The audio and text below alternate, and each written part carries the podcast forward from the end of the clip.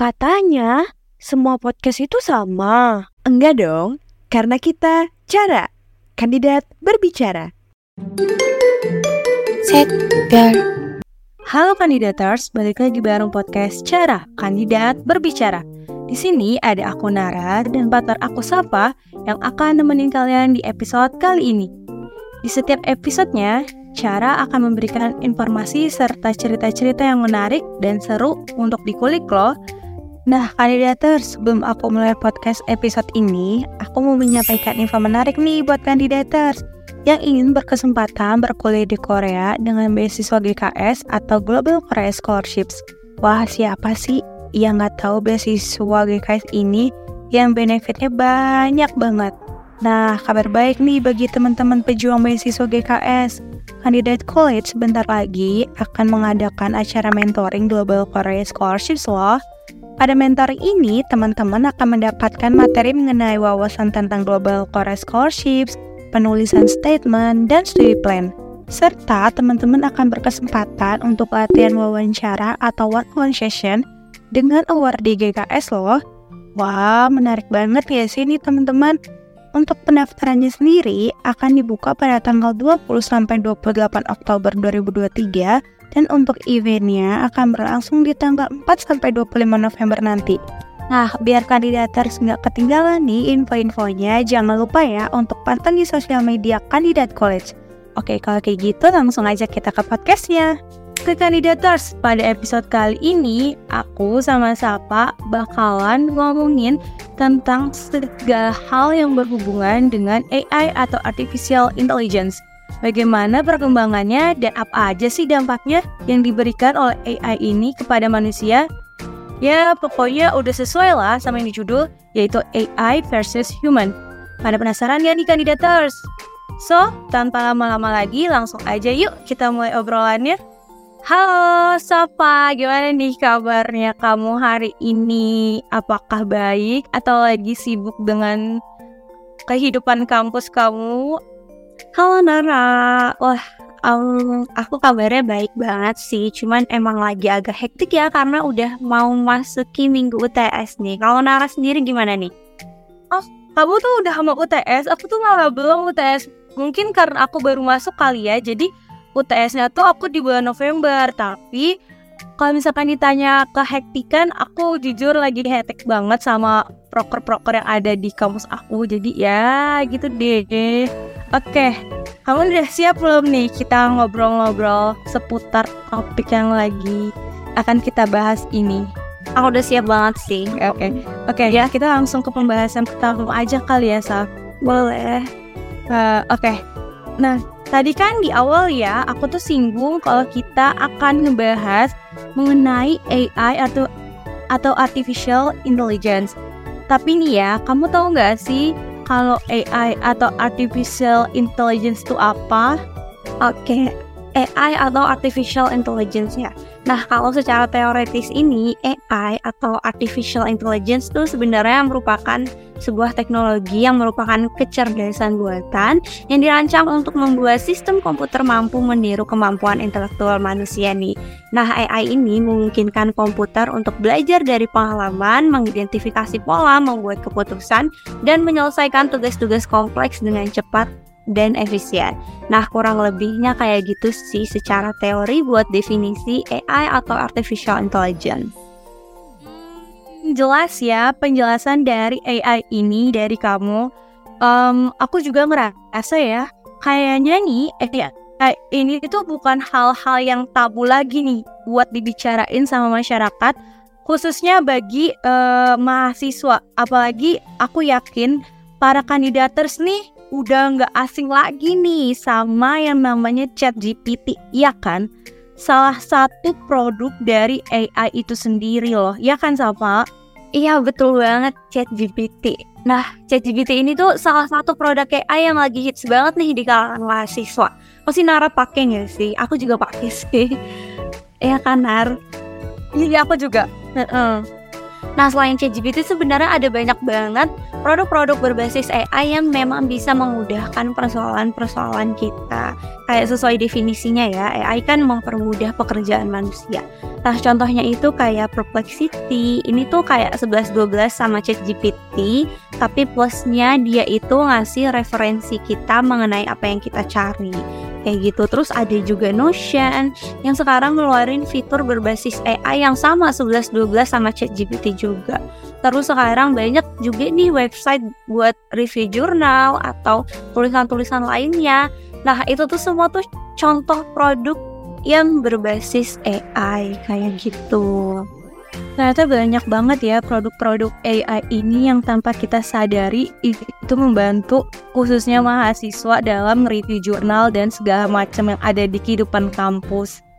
Produk-produk AI ini tuh emang sebenarnya tuh banyak banget nih Saf. Aku mau nambahin juga nih aplikasi kayak Duolingo atau Grammarly yang juga merupakan aplikasi yang ternyata nih berbasis AI loh. Siapa sih di sini yang nggak tahu Duolingo atau Grammarly pasti beberapa atau mungkin kebanyakan nih orang-orang di sini atau kandidators udah menjadi pengguna dari aplikasi itu. Betul banget, aku salah satu pengguna dua aplikasi itu sih dan cukup sering banget menggunakan dua aplikasi itu. Dan ya intinya sebenarnya masih banyak banget, masih banyak banget lagi sih aplikasi atau produk-produk berbasis AI yang mungkin belum kita ketahui atau belum kita sadari aja kalau itu tuh sebenarnya berbasis AI. Iya ya, aku juga pakai Duolingo, tapi untuk Grammarly aku nggak belum terlalu memakai yang secara intens. Dan aku yakin juga nih mungkin ada beberapa produk teknologi yang aku pakai nih, tapi aku tuh nggak sadar kalau ternyata itu tuh berbasis AI loh. Oke gini deh, Saf. Kita udah tahu nih ya AI itu apa dan kita juga udah tahu nih beberapa produk atau aplikasi yang berbasis AI yang cukup hype belakangan ini. Nah, dengan begitu banyaknya ya produk-produk AI, berarti memang AI ini tuh lagi mengalami masa perkembangannya. Iya nggak sih? Hmm, berkembang di Indonesia iya sih, tapi beberapa hari lalu tuh aku tuh ada mata kuliah yang membahas tentang teknologi AI ini. Wah ini unik banget pembahasannya. Dan ternyata kata dosen aku AI itu udah lama banget berkembangnya dan aku tuh baru tahu kan dan dosen aku tuh nyuruh kayak coba deh cari di Google. AI itu pertama kali ditemukannya kapan sih kayak gitu. Oke kita semua cari dong di Google. Nah ternyata penemuan AI ini sendiri tuh pertama kali pada tahun 1956 jadi udah lama banget ternyata. Dan dari semenjak itu tuh terus berkembang sampai saat yang udah semaju ini Nindar tapi tau nggak sih kata dosenku sebenarnya AI itu udah lama juga nih boomingnya. Bahkan di Jepang teknologi AI itu udah hype banget dari 10 tahun yang lalu. Tapi nggak tahu ya kenapa di Indonesia tuh malah baru hype nih sekarang-sekarang ini. Iya, Gila sih aku tuh baru tahu loh Sumpah ini beneran cara jujur banget nih aku baru tahu kalau misalkan di Jepang tuh udah 10 tahun yang lalu hype-nya tapi di Indonesia tuh baru masuk produk-produk AI mungkin ya uh, kita karena telat berkembang jadi ya produk-produk yang cukup dibilang maju dan intelligence ini tuh baru masuk ke Indonesia mungkin gitu sih kalau pendapat aku Saf Iya, iya emang betul banget. Dosen aku juga melanjutkan katanya biasanya memang teknologi pada negara-negara berkembang tuh pasti baru muncul setelah uh, setelah maju di negara maju gitu. Ngerti gak sih? Setelah hype, setelah hype beberapa tahun di negara maju. Iya, iya. Iya, kayak gitu sih kata dosen. Wah, ini ini tuh pengetahuan baru buat aku banget sih beneran guys. Ini pengetahuan yang beneran aku baru tahu. Dan karena tadi udah dibahas nih ya mengenai perkembangan-perkembangan AI kita bahas juga kali ya Saf dampak dari perkembangan AI itu sendiri. Boleh banget nih berarti udah masuk ke main topik ya kita berarti. Nah iya nih nggak nggak kerasa nih kandidators kalau dari aku ya Saf, dampak dari AI ini tuh ada dua sih pastinya. Dampak positif dan negatif. Dampak positifnya apa sih? Ya pasti banyak banget lah ya. Contohnya nih kayak AI dapat meningkatkan efisiensi dan produktivitas dalam berbagai bidang kehidupan. Termasuk tuh industri, layanan kesehatan, transportasi, dan masih banyak lagi. Tapi kalau yang aku rasain banget ya nih sebagai mahasiswa AI ini tuh bener-bener membantu aku banget sih jujur dalam mengerjakan tugas-tugas aku. Kayak aku tuh bisa dua kali lebih cepat ngerjain tugas-tugas kuliah aku kalau pakai si AI ini. Wah, kayaknya AI yang kamu pakai nih chat GPT nggak sih, Nar? Makanya kamu ngerasa tugas kamu lebih cepat. Betul banget. Karena kok kamu bisa menerka kalau aku pakai chat GPT tapi emang bener sih. Ya gimana ya Saf ya? Habis kadang tuh tugas tuh bukan cuma satu aja gitu loh. Belum lagi tugas-tugas organisasi yang makin lama makin menumpuk ini. Makanya bener banget sih menurut aku kalau si AI ini tuh bikin pekerjaan-pekerjaan mahasiswa tuh cepat selesai dan lebih efisien gitu loh Hmm, ya nggak salah juga sih ya. Aku juga pakai chat GPT sih. Tapi tuh ya, kadang karena keseringan pakai chat GPT atau produk-produk AI lainnya, aku tuh jadi kadang males loh dan jadi ngegampangin tugas-tugasku gitu. Kamu juga gitu gak sih, Nar? Wah, iya banget sih.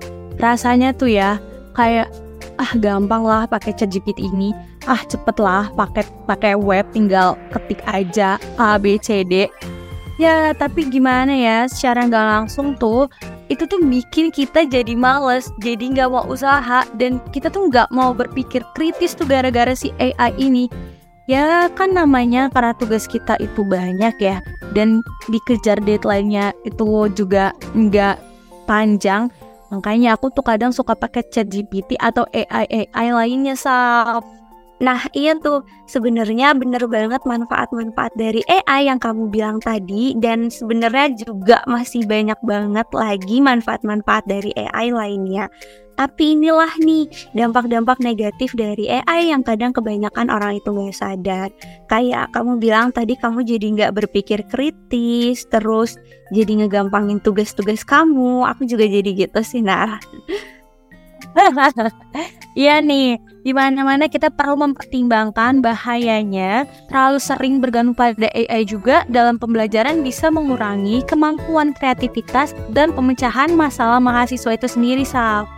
Bener banget. Nah, terlalu bergantung pada AI juga bisa membuat kita kehilangan kemampuan berpikir kritis dan memecahkan masalah dengan akal sehat kita sendiri.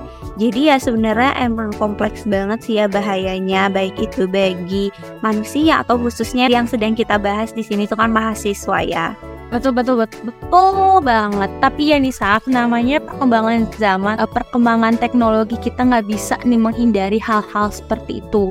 Sama halnya dengan kita yang nggak bisa menghindari perkembangan dari si AI ini sendiri. Iya, makanya dari uh, dampak-dampak negatif dari perkembangan AI ini perlu banget sih ada solusi buat uh, menghindari lah atau at least mengurangi lah dampak negatif dari si AI ini. Hmm, betul banget. Menurut kamu, kamu punya solusi nggak nih untuk menghadapi dampak-dampak si AI itu sendiri? Oke, ada beberapa solusi ya kalau menurut aku. Nah, kalau menurut aku solusinya sih bisa dengan mengedukasi masyarakat ya, khususnya mahasiswa nih tentang penggunaan yang bijak terhadap produk-produk AI di bidang pendidikan. Nah, mereka ini harus tahu kapan sih dan bagaimana menggunakan AI sebagai alat bantu bukan sebagai pengganti kemampuan intelektual mereka sendiri. Nah, contohnya kayak buat bantu cari referensi jurnal atau artikel untuk tugas-tugas yang ada. Terus bisa nih gunain AI untuk mengoreksi pekerjaan-pekerjaan kalian. Kan udah banyak ya web-web kayak gitu. Nah, bisa itu digunain. Jangan malah nyuruh AI-nya untuk ngerjain tugas kalian.